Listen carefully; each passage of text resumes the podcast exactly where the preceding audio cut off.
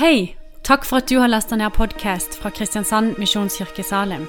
For å finne ut mer om oss, besøk vår hjemmeside på kmsalim.no.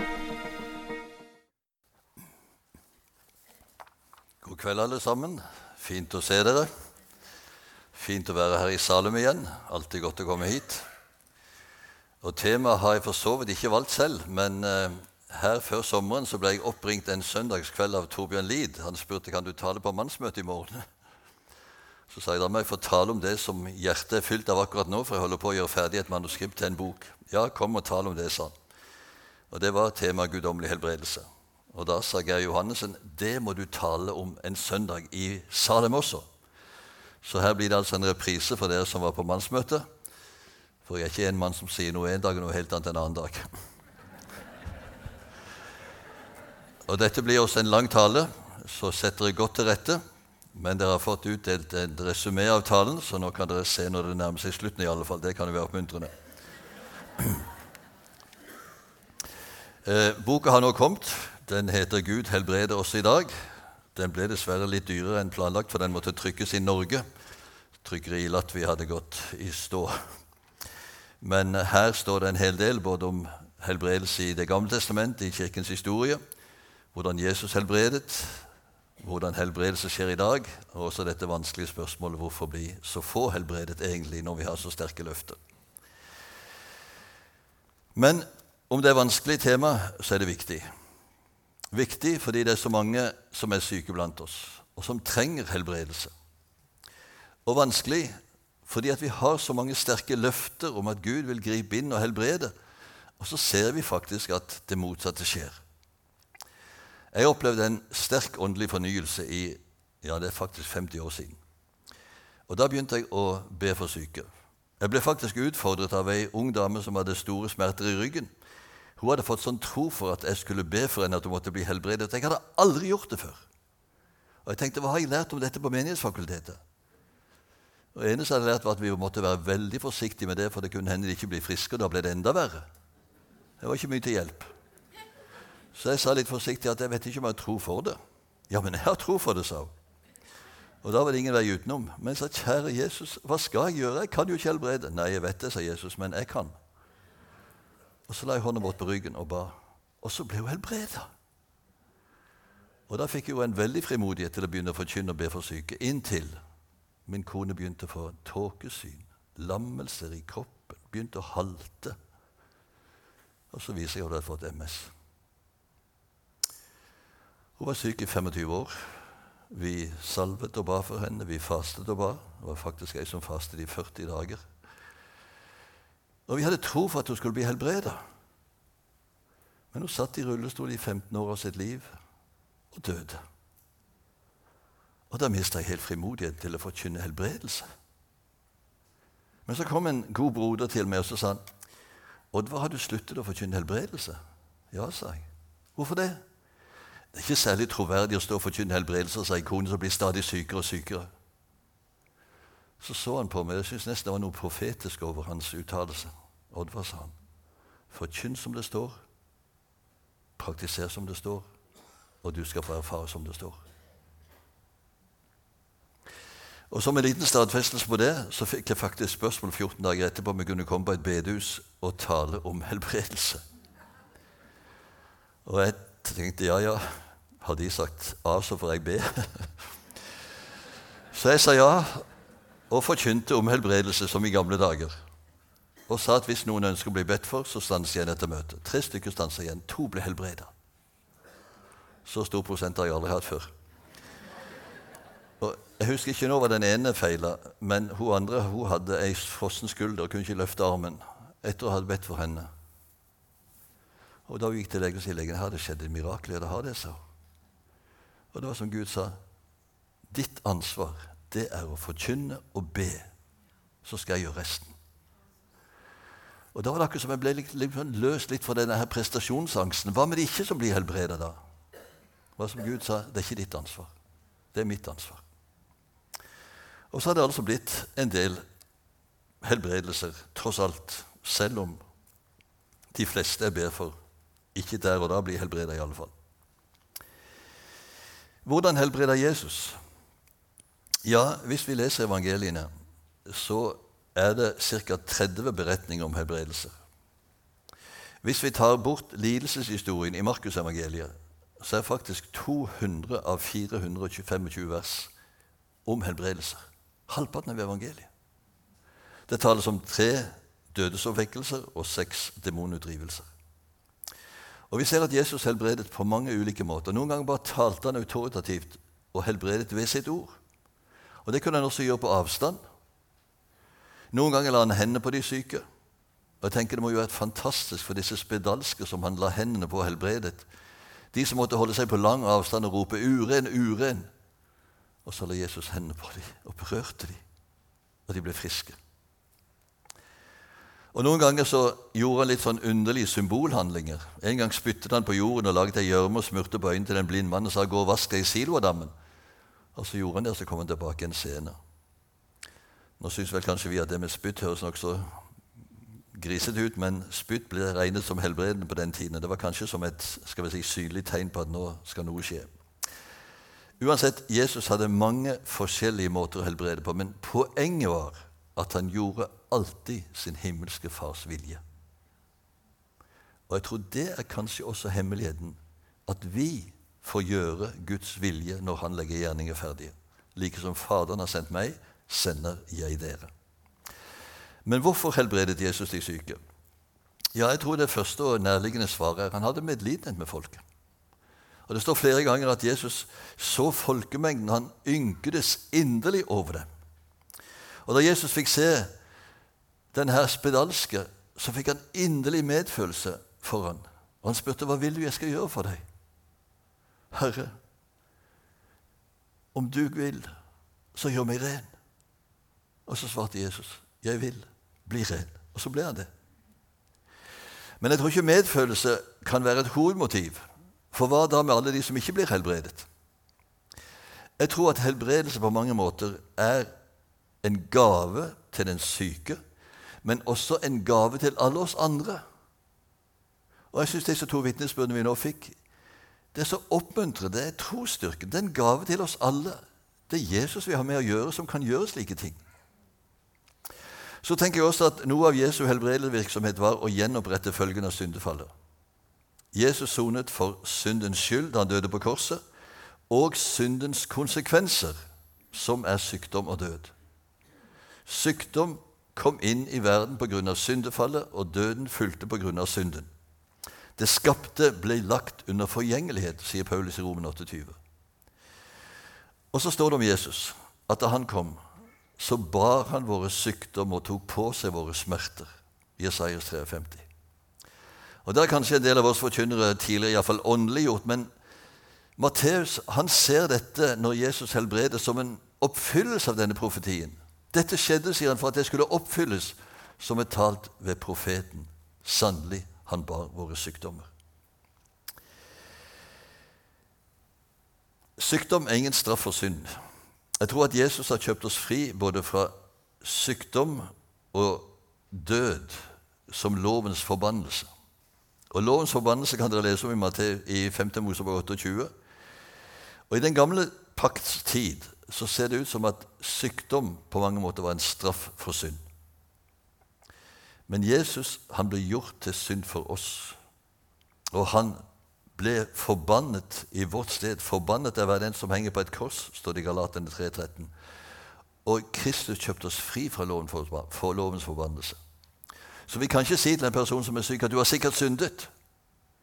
En annen sak er at et liv i strid med Guds vilje kan få konsekvenser. At det fører til sykdom. Det er en annen sak. Men jeg tror at forbannelsen er borte. Den har Kristus tatt på seg. Og så tror jeg at når Jesus helbredet, så var det også for å understreke og demonstrere at nå har Guds rike kommet nær. Nå har Guds rike brutt inn i deres verden. Og Hvis dere ser på denne tegningen, så lever vi altså som kristne i en på en måte dobbelt tilværelse. På den ene siden i denne verdens tidsalder, der synd, sykdom, lidelse, nød og død er en del av alle menneskers kår. Men med Jesus brøt Guds rike inn, og Guds rike er her og nå. Og vi står altså i dette skjæringsfeltet På den ene siden denne gamle verden, og så Guds rike, der synd, sykdom, lidelse, nød og død er borte. Og alle Jesu under kan egentlig forstås som en demonstrasjon av at nå er riket brutt inn. Han tilga synd. I det fullendte Guds rike skal det ikke mer være synd. Han helbreder syke, det skal ikke mer være sykdom. Han oppreiste døde, det skal ikke mer være død. Han stiller stormen, det skal ikke mer være noen trussel fra havet. Han mettet de sultne, det skal ikke være noen mer som sulter og lider nød, osv. osv. Alt Jesu gjør, er en demonstrasjon av at nå er Guds rike kommet nær. Men vi må ikke trekke det så langt som enkelte gjør, at de sier at ja, men da behøver ingen kristne være syk. Underne, tegnene, er en forsmak på det riket som har brutt inn. Det er ikke himmelen på forskudd. Og For det fjerde, når Jesus helbreder, så er det for å demonstrere hvem han selv er. For det første at han er sann Gud. Jeg og Faderen, vi er ett, sa han. Og folket ble jo så sinte at de ville steine han for et slikt utsagn.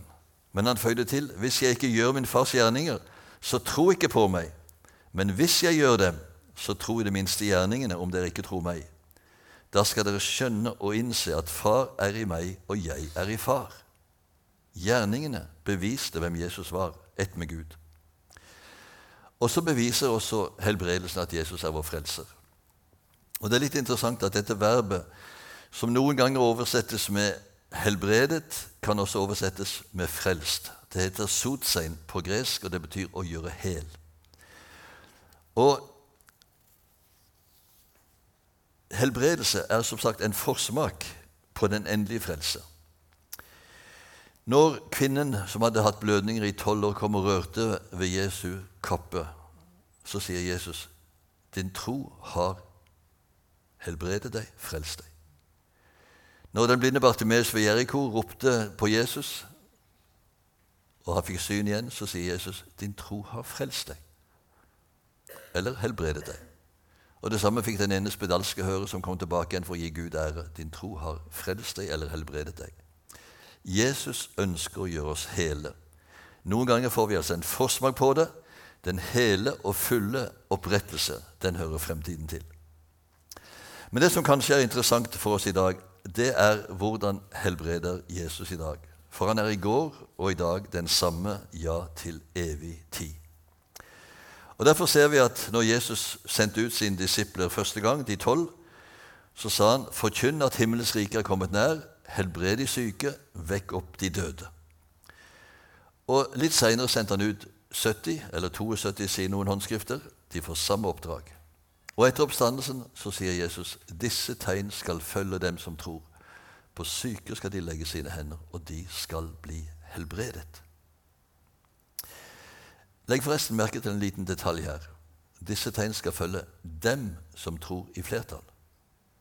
Men i verset forut står det 'hver den i entall som tror og blir døpt, skal bli frelst'. Og jeg tror at denne skifting fra entall til flertall betyr at blant dem som tror, skal dette skje at på syke skal de legge sine hender, og de skal bli helbredet. Hvordan helbreder Jesus i dag? Jo, ved sitt ord. Og Derfor er det så viktig at det forkynnes om helbredelse. Men Gud kan noen ganger også gi et løfte og et ord inn i situasjonen. Det står i Salme 127 han sendte sitt ord og helbredet dem. Jeg var på et møte i Drammen for en tid siden og talte. og Da var det ei dame som vitna etterpå at hun hadde hatt hudkreft i lengre tid. Ikke den mildeste typen, ikke den farligste, men den midt imellom og fikk stadig utslett på kroppen. og Da måtte hun inn på Radiumhospitalet, skrape av disse her døde cellene. Smurte på et eller annet som svidde veldig, og så ble hun bestrålt med radiumlys. og Det var heller ikke behagelig, og det var en plage hver eneste gang. Og nå hadde hun fått et sår i pannen og på begge kinner og på haka, og det så ikke godt ut. Og Hun visste at hun måtte inn til Radiumhospitalet igjen og gå gjennom denne kuren som varte fire-fem timer. Så sier hun, 'Kjære Jesus, gi meg et ord.' Og så slår hun opp i Bibelen. Fra Habakuk 3-4 av alle steder. Lysglansen er som en soloppgang. Stråler går ut fra hans hånd. Der er hans styrke skjult. Og så sa hun, 'Jesus, la strålene fra din hånd berøre meg i stedet.' Og så reiste hun. Kom inn på Radiumhospitalet. Og legen spør ja, hvor er, hvor er utslettene, eller hvor er sårene i dag? Ja, her i ansiktet, sier hun. Skal hun se seg i speilet, og det er ingenting å se. Hun reiste hjem igjen. Helbredet. Jeg sa til henne etterpå, det var ikke så originalt dette her, de tidsbedalske ble jo også helbredet på veien. Men Guds ord skapte hva det nevnte der og da. Så kan vi be selv, og det er sikkert mange av dere som har bedt om helbredelse, og både har blitt helbredet og ikke blitt det. Men jeg underviste på 40 dager, det er et sånt bibelkurs vi har i Frikirka, om helbredelse. Og så sa jeg er det noen her som har opplevd helbredelse. Da kom det ei dame fra Irak frem og fortalte følgende historie. Hun hadde to små barn, var blitt gravid med nummer tre og hadde fått bekkenløsning. Og det var veldig, veldig ubehagelig. Men enda verre ble det etter fødsel. Det var så vidt hun kunne stavre seg over gulvet på to krykker. Og på toppen av det hele så forlot mannen henne. Og der satt hun igjen med tre små barn. Og en natt var det så forferdelig sa at jeg ønsker ikke å leve lenger. Jeg ropte til Jesus. Hvis du, Jesus, ikke helbreder meg nå, så vil jeg ikke leve lenger. Og så kom det et lys inn i rommet, sa hun. Og jeg visste at i det lyset er Jesus. Og lyset beveger seg bort mot sengen der jeg lå i min smerte. Og så hører jeg en stemme som sier 'stå opp og gå'. Og så sto jeg opp, og så var jeg helbredet, sa Fantastisk vitnesbyrd. Så kan vi be for andre på avstand. Og Det skal vi gjøre nå i kveld også. Og så kan Gud gripe inn. På avstand. Johannes skriver i sitt tredje brev følgende.: Du kjære, jeg ber om at du må ha det godt i alle ting og være ved god helse, slik som også din sjel har det godt. Da jeg var pastor i Frikirka, så hadde vi hver, vår, hver sommer et sånt predikantarbeidermøte. Og siste kvelden da var det frie vitnesbyrd. Og En kveld er det en eldre pastor nordfra som reiser seg opp og sier kjære venner, dette er siste gang vi er sammen. Jeg er full av kreft. Men jeg går ikke fra dere. Jeg går bare i forveien. Og jeg skal stå på himmelens strand og ta imot dere alle sammen etter hvert som dere kommer. Og det var jo ikke et tørt øye etterpå. Neste år var han der selvsagt ikke, men to år etterpå dukka han opp og så utrolig frisk ut. Så sa han, kjære deg, Asbjørn, står ikke du på himmelens strand? Nei, herrene ville ikke slik denne gangen. Ja, det som har skjedd? sa du. Ser står frisk? Ja, jeg er helt frisk, han. Du skjønner, Jeg kom hjem og ble veldig dårlig og ble lagt inn på sykehuset. Og de sa det er ingenting mer å gjøre, du er helt full av kreft.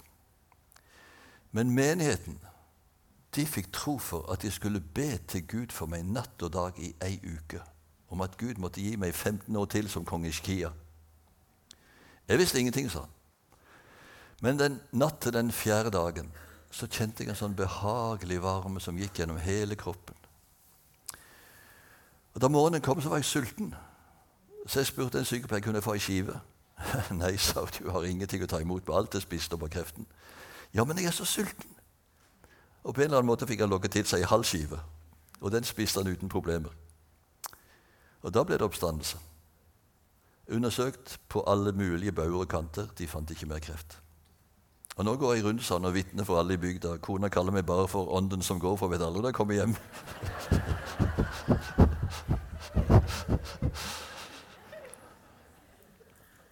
Og En del av dere kjenner sikkert Bjørn Olav Hansen, baptistpastoren med parkinson, som har mye vondt. Og Han opplevde en natt, forteller han, at smertene var helt uutholdelige. Og Han hadde jo fått beskjed om at hvis det ble for galt, så måtte han bare ringe legevakten, men han tenkte nå skal jeg ikke forstyrre de midt på natten. Og plutselig så slapp smerten taket, og han sovna. Og Neste morgen ringer en pastorvenn fra Israel og spør du, hva var det som skjedde med deg klokken fire i natt. Jeg ble vekt og måtte be for deg. Og så er det altså en pastor i Israel som ber for en kollega i Norge. Og så forsvinner smertene. Forbund med håndspåleggelse. Ja, de skal legge hendene på syke, så de blir friske. Og jeg tror at håndspåleggelsen både er et tegn på at nå gjelder forbundet deg, men noen ganger så er det nesten som Ja, Åse, opplevde ikke nesten som Guds kraft gikk gjennom armen når du ba for han? Og det har jeg opplevd noen ganger selv også.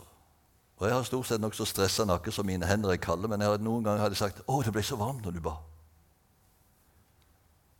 Og Jeg talte en gang om helbredelse på et bedehus og sa jeg, hvem som helst kan legge hendene på syke og be for dem. Og Etterpå inviterte jeg folk frem til forbønn. Og det var flere som kom frem. Jeg husker bl.a. en som hadde hatt migrene i 28 år, som ble helbredet. Men heldigvis så satt det en på bakerst i rullestol. Han kom ikke frem. Heldigvis. Men tre måneder etterpå hadde vi et ledermøte i Mandal, og der kommer han gående. Så jeg sier, si meg en ting, satt ikke du i rullestol sist jeg så deg? Jo, sa han. Jo, jo. Men hva som har skjedd? da? Du går jo rundt som ingenting. Ja, du sa at hvem som helst kunne legge hendene på de syke og be for dem. Og det slo ned i kona mi. Og Vi skulle reise på ferie etterpå, og jeg var veldig dårlig. Men hun ba for meg hver dag, hver kveld, la hendene på disse beina mine. Jeg kunne ikke gå mer enn åtte-ti skritt. Nå går jeg flere kilometer. Nådegave til å helbrede. Hvorfor står det flertall? Er det fordi at det burde være flere i en menighet med denne gaven? Eller er det fordi at det er ulike gaver for ulike sykdommer? Jeg vet ikke. Du snakket om for korte bein. Det var jo nærmest en beinvekkelse for en tid siden. Og jeg må si for min egen del var jeg veldig skeptisk. Men jeg har en venn som har altså, skal vi si, gave til å be for, for korte bein. Og altså, Beveger du beina sånn, så ser du at det blir forskjell på dem. Men han ba for ei som hadde tre centimeter oppbygde sko. Hun måtte gå og fjerne sålen på alle de der skoene etterpå. Og Jeg fikk være med han på et møte, og da kom det frem ei ung dame som sa er det bare den veien du kan be om forlengelse, eller kan du be om den veien også? Hva mener du med det, sa han. Ja, du skjønner, Jeg har forskjellig lengde på fotbladene. Så jeg må alltid kjøpe to par sko hver gang jeg skal kjøpe sko, for jeg må ta én av hvert par. Ja, det var interessant, sa han. La oss se. Og så ser jeg hvordan hun legger beina sånn. Den ene tåa stakk atskillig lenger frem. Og så går den korteste foten frem. Hun begynner å gråte og springer bort til veggen og setter begge hælene i veggen for å se at tærne er akkurat like lange.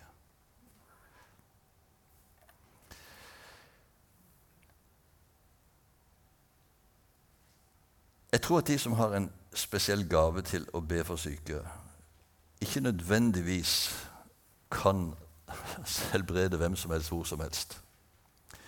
Vi har jo en venn oppe i Vennesla, Svein Magne Pedersen, som har bedt for tusenvis av syke. Og Jeg spurte han en gang blir alle de du ber for, helbredet.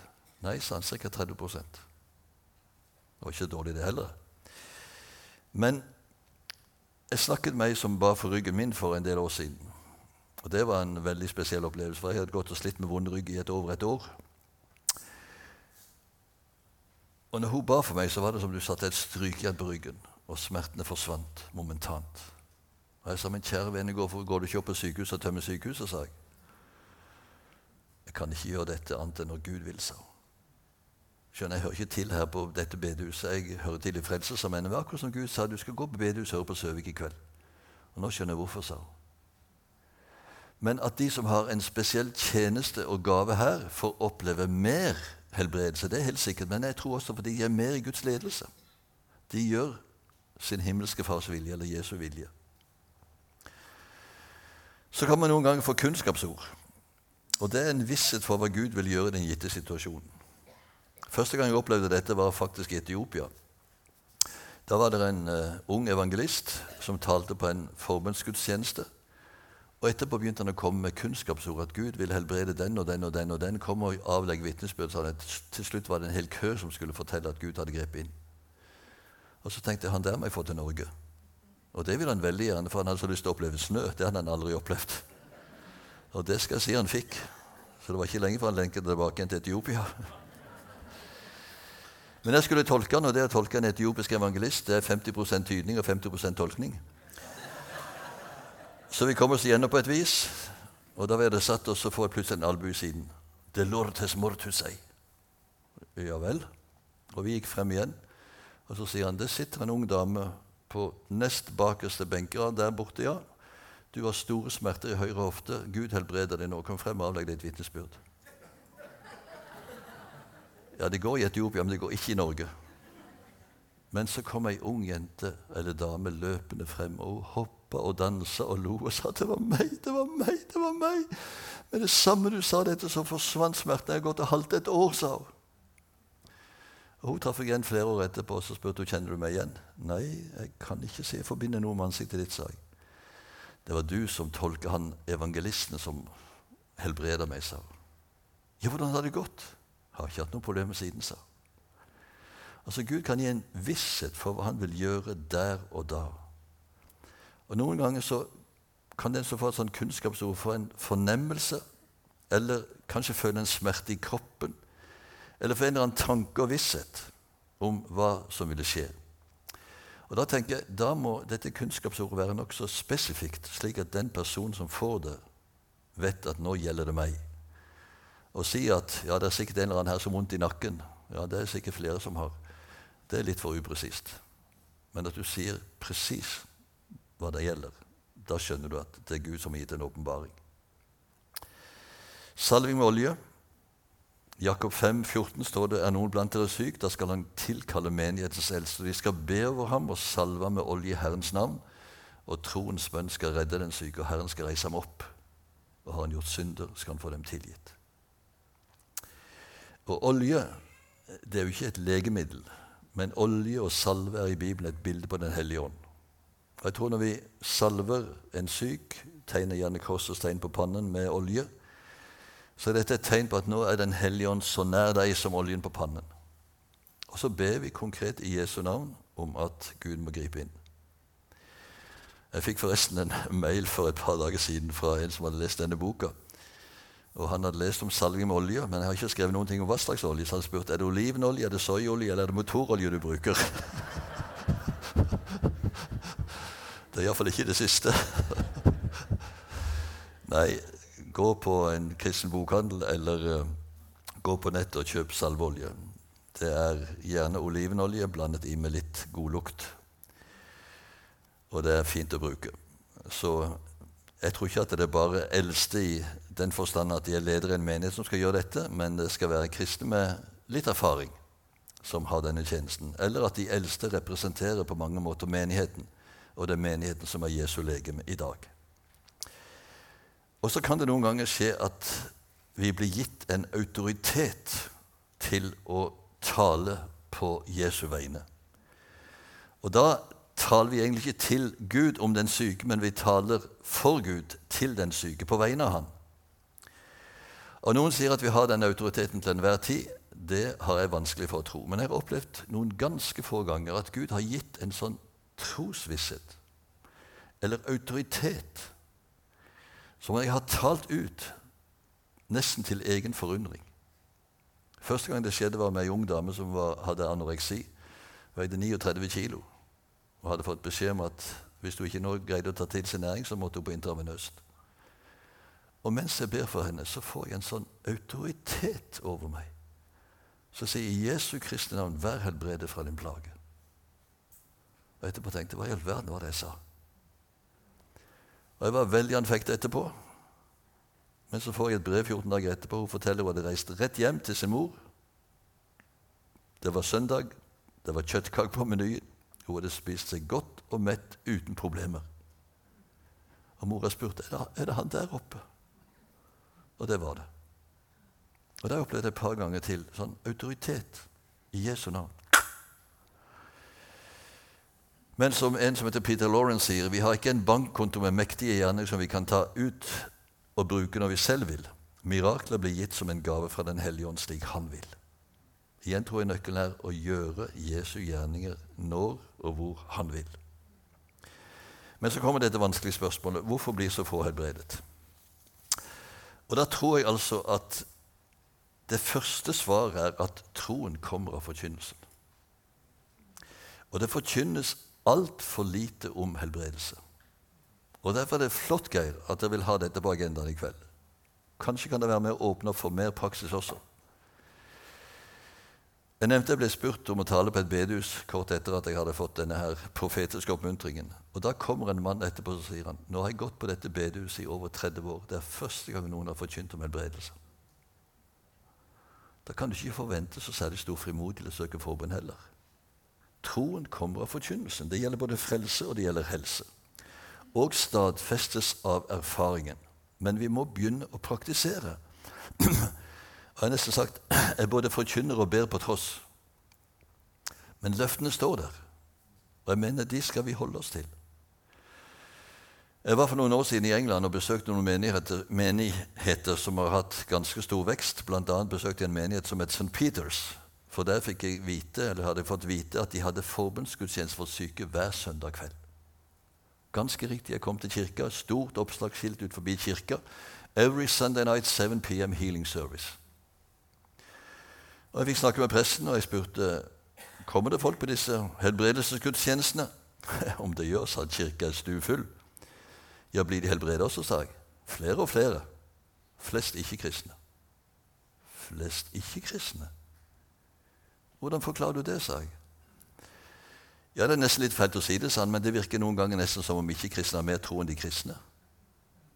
For når vi annonserer helbredelsesgudstjeneste, så kommer folk med en forventning om at de skal bli friske. Og så tror jeg faktisk at Gud er så god i sin kjærlighet og nåde at han lar folk erfare at han er en realitet. For mange av de som blir helbredet, gir seg over til Gud. Men det festligste sant, det er jo det at på det lokale sykehuset her oppe så pekte han på en stor bygning oppe på en høyde. Når det kommer pasienter der som er kronisk syke, og som legen ikke kan hjelpe, så hender det at legene spør Have you tried St. Peters? Og jeg tenkte du verden om de hadde begynt å si på sykehuset her i Kristiansand Har du vært i Salem? Har du vært i Frikirka? Har du vært i pinsemenigheten? Det må spres et rykte at her kan du komme og bli bedt for når du er syk. Og så tror jeg at er vi tro i smått, så kan Gud sette oss over mer. Jeg tenker også tilbake på min studietid på MF. Vi lærte ingenting om hvordan vi skulle forkynne helbredelse. Jeg har sjekket opp både gamle og nye prekenlærer. Står ingenting om det. Ingenting. Og Da kan vi ikke forvente at prestene skal bli så veldig frimodige og forkynne det heller. De har ikke lært noe om det. Og dette å salve med olje Jeg trodde man skulle nærmest helle olje over hodet på en person. Heldigvis var det en eldre, erfaren predikant som lærte meg noe annet. Jeg har ikke fått noen undervisning. Visste ikke. Det er jo nesten pinlig. For det andre jeg tror ikke vi har noe løfte om at alle vi ber for, skal bli friske. Og Nå vet jeg at det er forskjellig syn på dette med Isaias 53. Trosforkynner sier at vi har fått legedom. Det er bare å bekjenne at du er frisk, så blir du frisk. Ja, jeg tror nok at placeboeffekten kan slå inn noen ganger. Men jeg har hatt flere sjelesorg som har bekjent og bekjent til de nesten døde at de var friske. Og det å bekjenne at du er frisk når du ikke er det, det er rett og slett løgn. Jo, Jesus bar vår synd, og dermed syndens konsekvenser, som er sykdom og død. Og i Jesus er vi rene og rettferdige og himmelen verdige her og nå, og vi er helbredet her og nå, ja, men vi faller fortsatt i synd. Vi bærer fortsatt med oss vår synd i natur og vi blir fortsatt syke. Allerede nå, men ennå ikke. Og selv Paulus han sier i Romen 8,22.: Vi vet at helt til denne dag sukker og stønner alt det skapte samstemt som i fødselsrier. Ja, enda mer, også vi som har fått Ånden, den første frukt av høsten som kommer, sukker med oss selv og lengter etter å bli Guds barn helt og fullt når kroppen vår blir satt fri. Kroppen var ikke fri enda, men det kommer en dag da vi skal bli fri. Ja, men Jesus helbreder jo alle. Ja, noen ganger gjorde han det. Noen ganger står det han helbreder mange. En gang helbredet han én ved Betestadammen, selv om det lå strødd av syke. Og Paulus ja, Da han var i Efesos i nesten tre år, så lot Gud helt usedvanlige tegn og under skje ved Paulus' hender. De tok til og med klærne han hadde på kroppen og la på de syke og ble helbreda. Men stakkars Timotius han sleit med dårlig mage og jevnlige sykdommer. Og får et råd om å drikke litt vin. Det var sett på som et legemiddel på den tiden. Stakkars Trofimus måtte han etterlate i Milet fordi han var blitt syk. Og Epafroditus, han var døden nær. Kunne ikke Paulus helbrede de? Nei, det er Gud som helbreder. Og Noen ganger så får man stå i en spesiell salvelse til å gjøre dette. Men det er han som har oversikten. Jeg tror ikke Gud sender sykdom direkte, men så lenge vi lever i denne verden, så er vi altså under denne verdens kår og har altså samme lidelse som alle mennesker. Men vi har blitt borgere av Guds rike, og vi kan få en forsmak av riket som kommer. Så kommer dette vanskelige spørsmålet med troen. Hva betyr den i denne forbindelse? Ja, jeg tror har vi manglende tro, så kan det hindre helbredelse. Men betyr det å tro at vi nærmest skal ta oss selv i nakken og prestere en tro? Kan nesten se sånn ut i Markus 11, 22. Ha tro til Gud. Om dere sier til dette fjellet 'løft deg opp og kast deg i havet', så skal det skje. Og jeg vet det er mange som nesten har knekket nakken åndelig sett på det ordet. Det står på grunnteksten 'har Guds tro'. Og det kan enten oversettes 'ha tro til Gud' eller 'ha tro fra Gud'. Jeg tror kanskje det er det siste vi skal oversette det. Ha den tro som Gud gir. Da kan dette underet skje. De gamle talte om forskjellen på en tagen tro og en given tro. Og de sa den tagne tro har ingen løfter, den givne tro har alle Guds løfter. Og Som en illustrasjon på forskjellen så husker vi at Peter og disiplene er ute i storm på sjøen. Og de tror de skal gå under. Så kommer Jesus gående på bølgene, og Peter han er frimodig som vanlig og sier, 'Mester, hvis det er deg som sier at jeg skal komme til deg på vannet.' Kom, sier Jesus. Og på det ordet fra Jesus så stiger altså Peter ut av båten og begynner å gå på bølgene. Og Så lenge han så på Jesus og holdt seg til det ordet Jesus hadde sagt, så bar bølgene. Men så begynte han å se på bølgene, og da begynte han å synke. Men det blir fortalt jeg vet ikke om det er sant, men det er en god historie iallfall. I Ryfylke var det en predikant som het Sven Folløn. Han sto ofte i vekkelse, og en kveld på en av øyene så søkte folk frelse i hopetall. Men han måtte videre den kvelden. Og han hørte at siste rutebåten kom og tuta og gikk. Men han var så high in the spirit at han tenkte kunne Peter gå på sjøen, så kunne sannelig han også. Så ved midnattstid så vasset han ut. 'Jeg trur', sa han. 'Jeg trur, jeg trur'. Og vannet steg høyere og høyere. Og Da vannet sto til halsen, kom det spakt. 'Jeg trur jeg snur'. Og det var sikkert ikke så dumt. Jeg tror at når det gjelder den syke, så er det nok tro å komme til Jesus. Og Dere husker denne her faren som hadde en gutt som var ille plaget av en ond ånd. Disiplene kunne ikke drive den ut. Men så kommer faren til Jesus og spør om du formår. Om jeg formår, sier Jesus. Alt er mulig for den som tror. Og Da tror jeg faktisk at Jesus mente seg sjøl.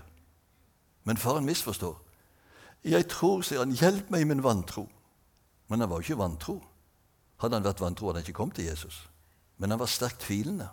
Men han kom allikevel. Og han ble hjulpet. Så jeg tror det som egentlig trengs av tro hos den syke, er å gå til forbønn. Så kan det noen ganger skje at Gud gir tro både til den som ber, og til den som er syk, at nå griper Gud inn.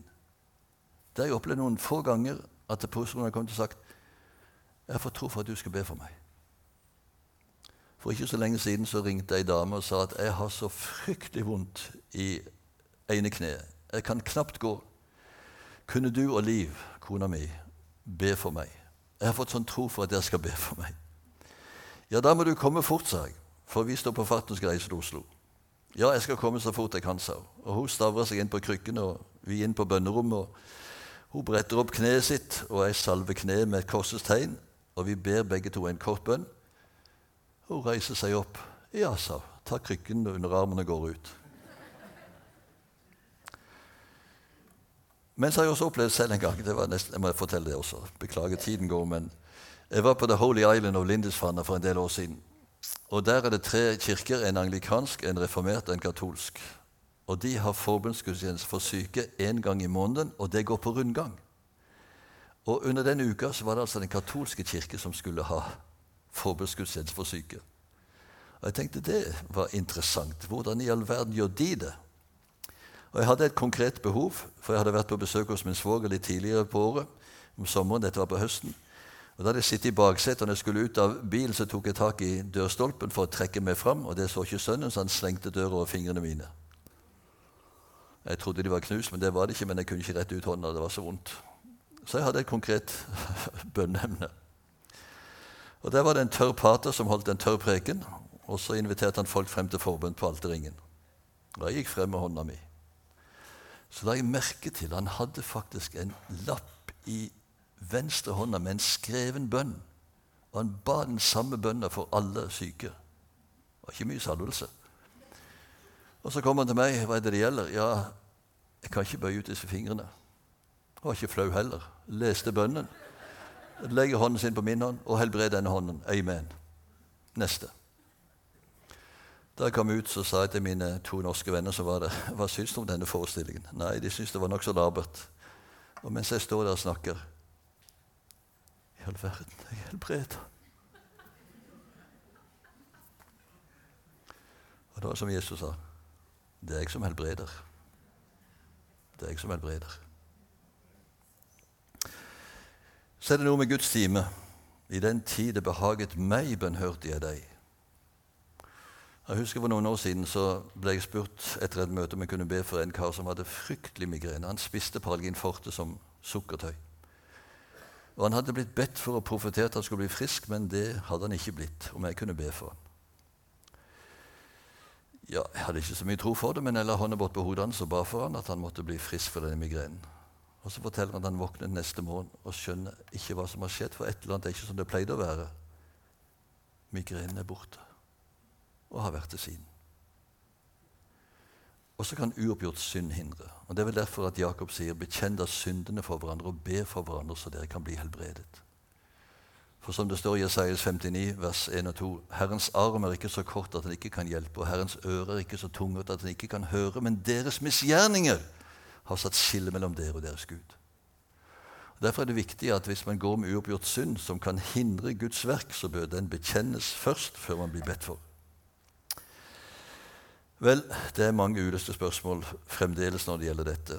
Og svaret får vi vel ikke før vi ser det hele ovenifra. Men vi får frimodig praktisere det som Guds ord sier. Og så får vi overlate ansvaret til Herren. Men la meg slutte med kanskje den største opplevelsen jeg har hatt når det gjelder formen for syke. Det ligger langt tilbake igjen, helt til da jeg var skolelagsprest på Sørlandet på 70-tallet. Da ble jeg ringt opp en morgen av en fortvilt far som fortalte at hans datter på 13 år lå på sykehuset, hadde vært bevisstløs i 14 dager. Hun hadde fått meslingene, og meslingene hadde gått til hodet, og hun hadde fått hjernebetennelse. Og legene ga ikke noe håp. Men i går kveld sa han, så kjørte jeg hjemover, og jeg var så trøtt jeg var rett for å skulle kjøre av veien. Og der sto det en heiker så jeg plukka han opp og spurte om han kunne kjøre. Jo, det kunne han. Og jeg fortalte hvorfor. Jeg var så trøtt. Og så sa han, ja, men hvorfor har du ikke søkt forbund for jenta di? Ja, hvem skal jeg spørre, sa han. Ja, ring til en som heter Søvik, sa han. Og så ringte han. Og når en person ligger for døden, og du får spørsmål om å be for vedkommende, så følte jeg jeg jeg må få en visshet for hva vil Gud i denne situasjonen. Og Det går ikke an å forklare hvordan det skjer, men jeg fikk bare sånn en visshet. Jo, Herren skal reise henne opp. Og så fikk vi også en tanke. Be for henne til noe skjer. Det var en underlig tanke. Så ringte en god venn av meg og spurte vil du være med og be for ei jente i kveld. Hun ligger på sykehuset. Kan vi møtes en halv time før og be sammen? Jo da, han var villig til det. Og så sier han da vi møttes, ja, jeg har fått en sånn en tro for at vi skal be for henne til noe skjer. ja, da har du stadfestet det som jeg også har fått tro for seg. Men da jeg kom inn på sykerommet, eller vi kom inn på sykerommet og så den jenta som lå med elektroder og kanyler og det hele og var dødsbleik, så tenkte jeg dette her kan jo ikke nytte. Men vi ba vekselvis, jeg vet ikke hvor lenge.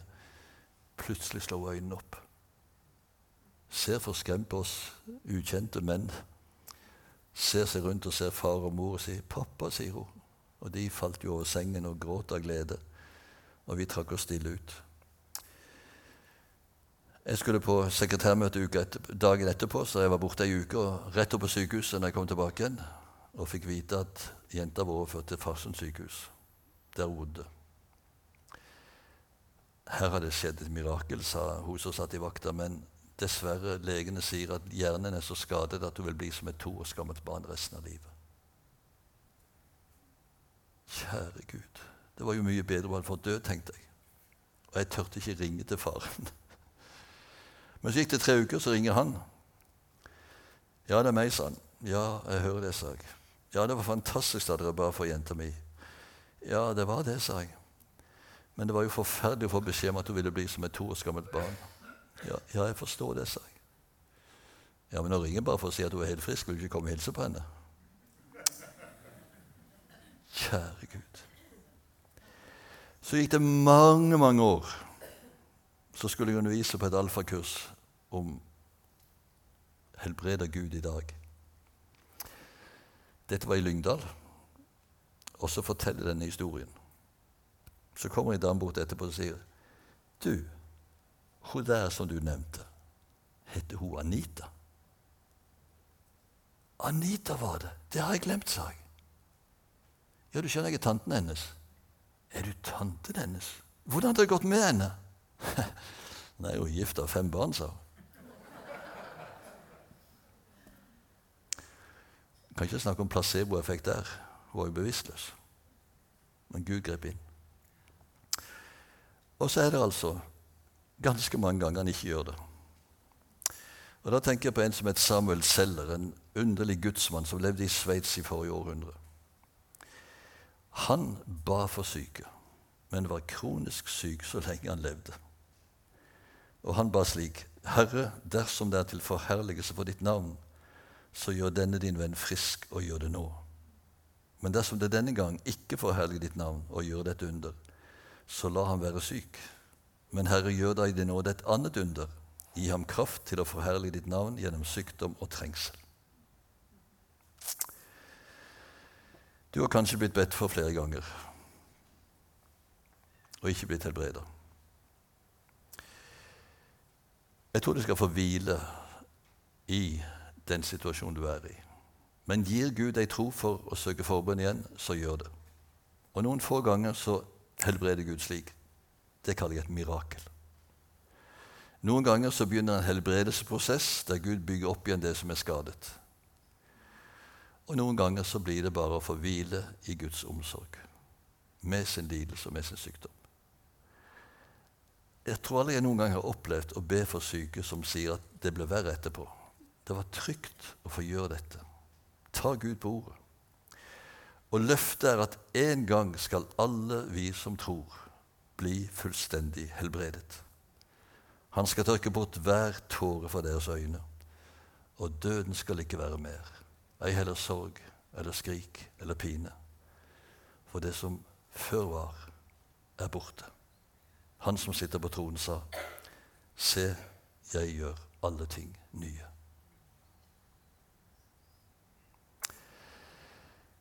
Og så vil vi gi anledning til å stanse igjen etter møtet, gå inn i bønnerommet, og der er vi flere forbedere som gjerne vil salve og be for deg. Og nå er det ikke sånn at predikantens bønn er ekstra kraftig. Vi er bare i Jesu hender alle sammen. Så la den som sitter nærmest deg da, be for deg. Men jeg tenker også at det kunne være fint å be for de i menigheten som er syke, og som ikke kunne komme hit i kveld. Bønn på avstand. Og kanskje har du noen i din nære og kjære vennskapskrets eller familiekrets som er syke. Du må gjerne gi til kjenne med en hånd om du har noen du ville vi skulle nevne i bønn. Ja, det er mange. Gud velsigne dere. Kan vi ikke nå bare forene oss i bønn for de som er syke? Herren vet om dem. Så legger vi resten av kvelden oss i Guds hender. Herre Jesus, takk for at du er i går og i dag den samme, ja, til evig tid. Og takk, Herre, at du er full av medlidenhet. Takk at du kjenner alle de som er syke, som tilhører denne menigheten, som er i familie med de som nå ga til kjenne at de har syke venner eller familiemedlemmer. Herre, takk at du kan være alle steder nærværende. Og nå ber vi, Herre, kunne du gå til den enkelte, legge dine legende hender på vedkommende og gjøre han frisk. Jesus, vi ber om det. Du har sagt at det er to eller tre av dere blir enige om å be om i mitt navn. Det skal du gi oss. Så Herre, vi bare kommer på dine løfter og ber om at din gode vilje må skje. Og så ber vi, Herre, som den første menigheten, at du må strekke ut din hånd så det skjer helbredelse, tegn og under ved din tjener Jesu navn. Herre, vi lever i en tvilesyk slekt som ikke tror at du er til eller du kan gjøre under. Herre, vis din sterke arm, slik at vi med frimodighet både kan søke forbønn og be for syke. La det også bli slik i denne menigheten her at det er naturlig å søke forbønn. Reis opp mennesker med nådegave til å be for syke, Herre. Vi lengter å se mer av din utstrakte arm, Herre. Kom oss nær i ditt navn. Amen.